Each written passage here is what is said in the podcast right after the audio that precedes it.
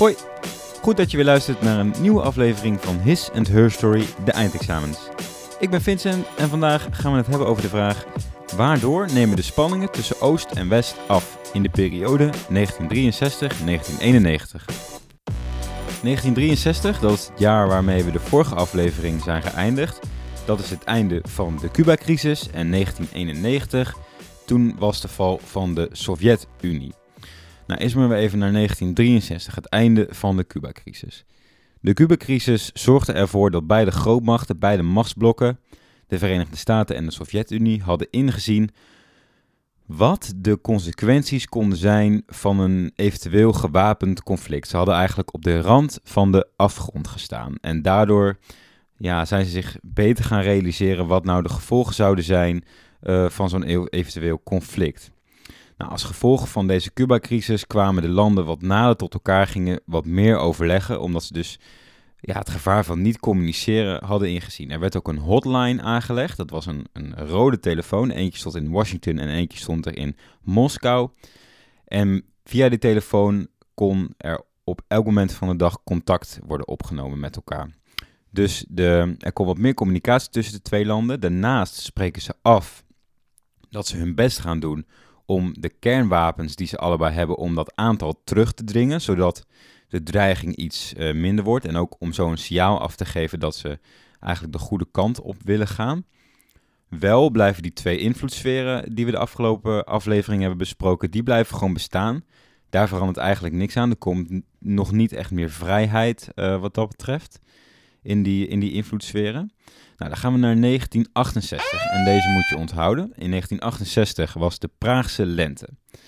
De Praagse lente was een periode waarin de nieuw uh, aangetreden eerste secretaris van de Communistische Partij, de eerste secretaris van de Communistische Partij was altijd degene die eigenlijk de macht had. Zoals de president, we hebben het wel eens over de president van de Sovjet-Unie, maar dat was eigenlijk de eerste secretaris van de Communistische Partij. En in de verschillende landen rondom uh, de Sovjet-Unie heb je in elk van die landen heb je ook zo'n communistische partij. Nou, in de Praagse lente, dus uh, in, uh, in Tsjechoslowakije was dat nog dat op dat moment. Dus Tsjechië en Slowakije waren toen nog één land.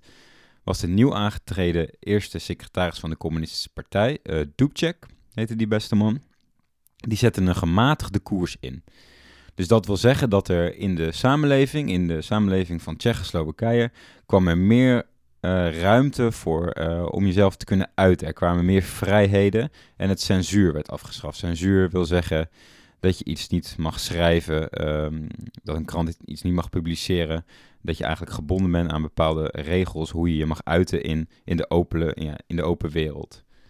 Um, daardoor was er ook steeds meer ruimte voor openlijke kritiek op de Sovjet-Unie. Dus eigenlijk de, ja, de grote overheerser van, uh, van Tsjechoslowakije. Dubček wilde Tsjechoslowakije eigenlijk het socialisme uh, geven, maar met een menselijk gezicht. Tot dan toe ja, was de politiek van de Sovjet-Unie was redelijk hard. Dat hebben we in de vorige aflevering kunnen zien. Uh, met bijvoorbeeld de opstand in, uh, in Hongarije. En Dubček wilde dus een wat mildere variant van de communistische uh, politiek.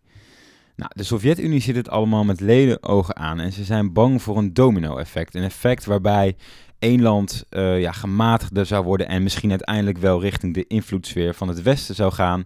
Ja, iets waar de Verenigde Staten eigenlijk andersom bang voor waren al eerder in, in de Koude Oorlog.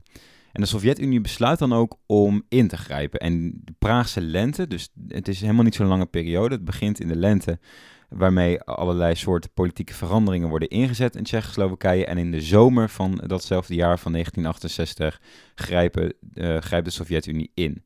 En dit is eigenlijk onderdeel van de Brezhnev-doctrine die dan heerst. Brezhnev is op dat moment de president van de Sovjet-Unie, dus die eerste secretaris van de Communistische Partij van de Sovjet-Unie.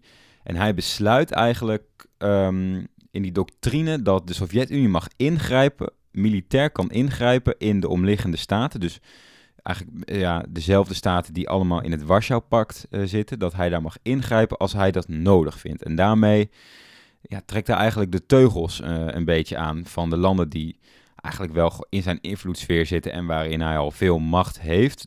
Hij laat zien met deze doctrine dat hij ook echt de macht heeft. En dat hij de macht heeft, wordt ook duidelijk wanneer de tanks van de Sovjet-Unie Praag binnenrijden in de zomer van 68 om de opstandelingen uh, ja, op te pakken en de opstand neer te slaan. Net zoals in de Hongaarse opstand hebben de opstandelingen weinig te zeggen tegen het machtsvertoon van de Sovjet-Unie. De regering van Dubček wordt aan de kant gezet en er komt weer een pro-Sovjet regering. Alle mensen met een enigszins anti-Sovjet gedachte werden eruit gefilterd. Wederom, net als in voorgaande conflicten, greep het Westen niet in. Met, weer met de reden, dit was in de invloedssfeer van de Sovjet-Unie, dus het was hun zaak en daar had het Westen niets mee te maken. Ondanks deze Brezhnev-doctrine, waarbij hij dus de teugels in zijn omringende landen van het Warschau-pact strakker aantrekt, komt er op uh, internationaal gebied, uh, dus daar bedoel ik eigenlijk mee uh, de relatie tussen de Verenigde Staten en de Sovjet-Unie, dat gaat wel eigenlijk de goede kant op, want er wordt afgesproken in 1972 dan wordt het verdrag SALT 1 ondertekend en hierin wordt afgesproken dat uh, de beide landen de wapenwetloop zullen verminderen, dat de strategische wapens uh, verminderd zullen worden, het aantal dat ze daarvan hebben.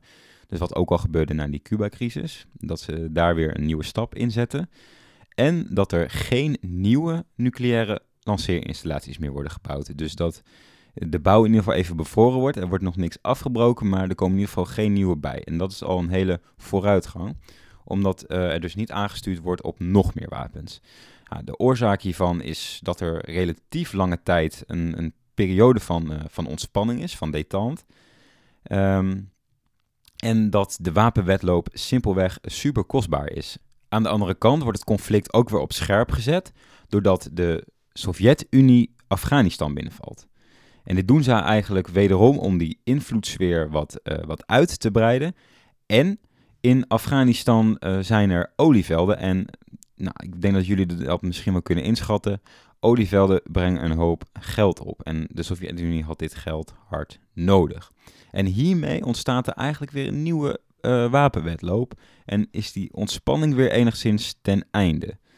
Nou, in 1980, en dat is het volgende jaartal dat, dat je moet onthouden begint de Amerikaanse overheid met het SDI-project. Dit werd gekscherend ook wel het Star Wars-project genoemd. Het ging er namelijk om, de Verenigde Staten wilden een raketschild in de ruimte bouwen. Dus dat wil zeggen, um, ja, lanceerinstallaties in de ruimte waarvan, uh, raketten konden worden afgeschoten. Zodat raketten die door de Sovjet-Unie zouden afgevuurd worden, um, voordat ze de bestemming bereikten, konden worden onderschept. Nou, dit SDI-project kon rekenen op veel weerstand.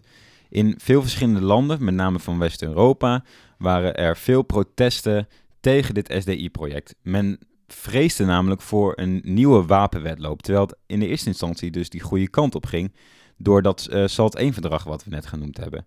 En men vreesde dus ervoor dat de, de oorlog weer zou intensiveren en dat het misschien wel de verkeerde kant op kon gaan.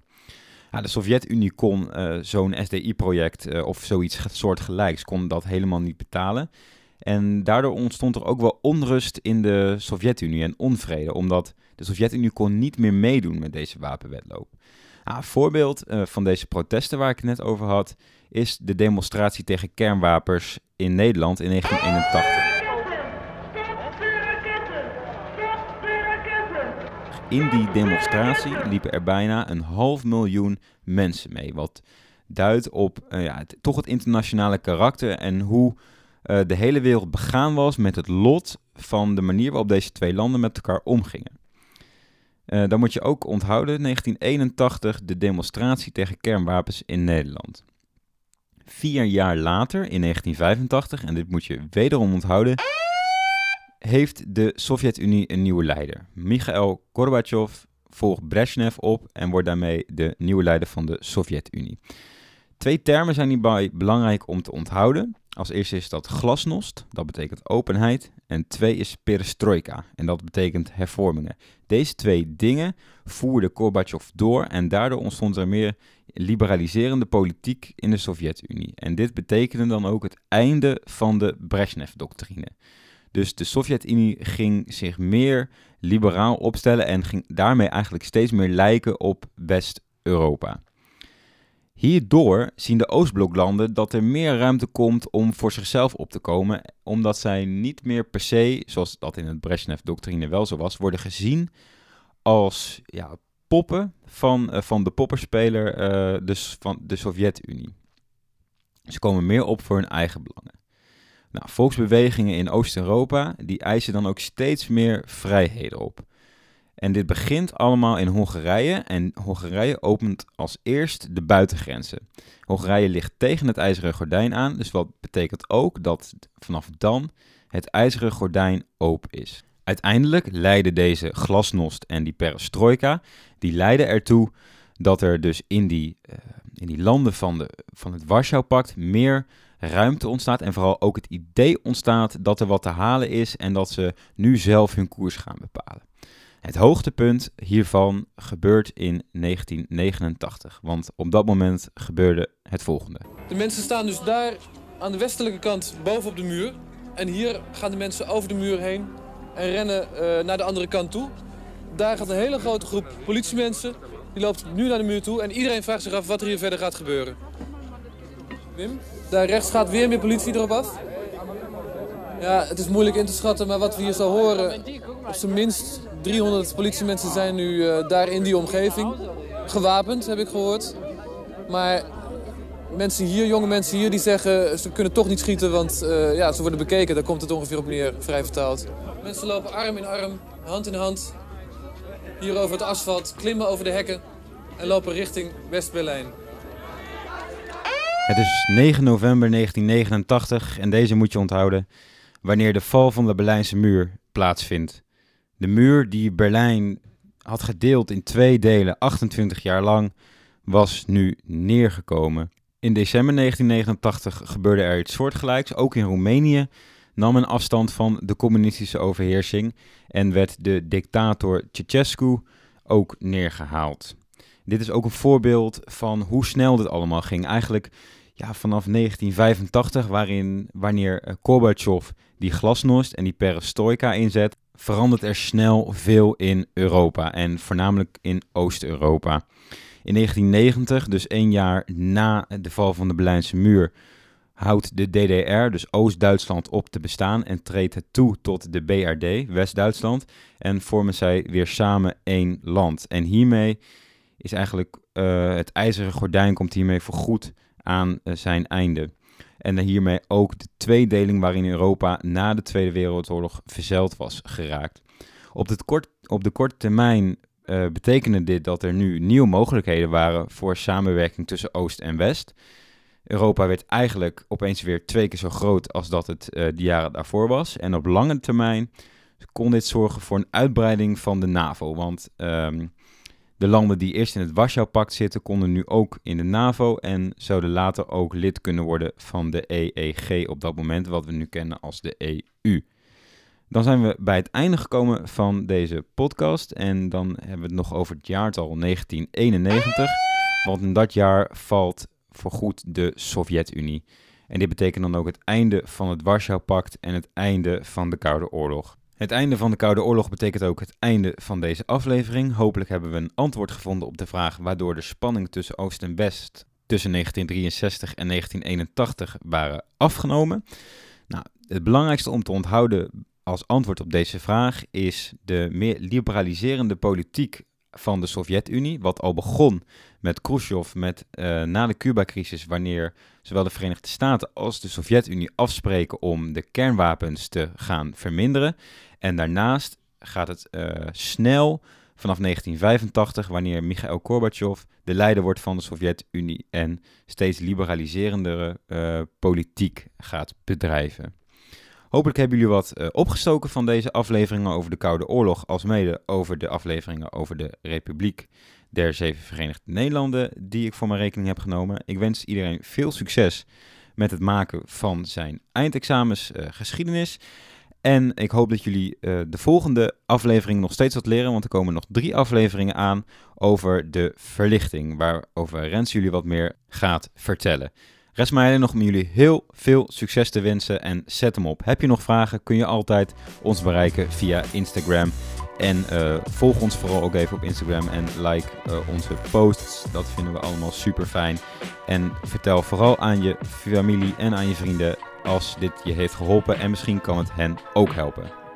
Veel succes!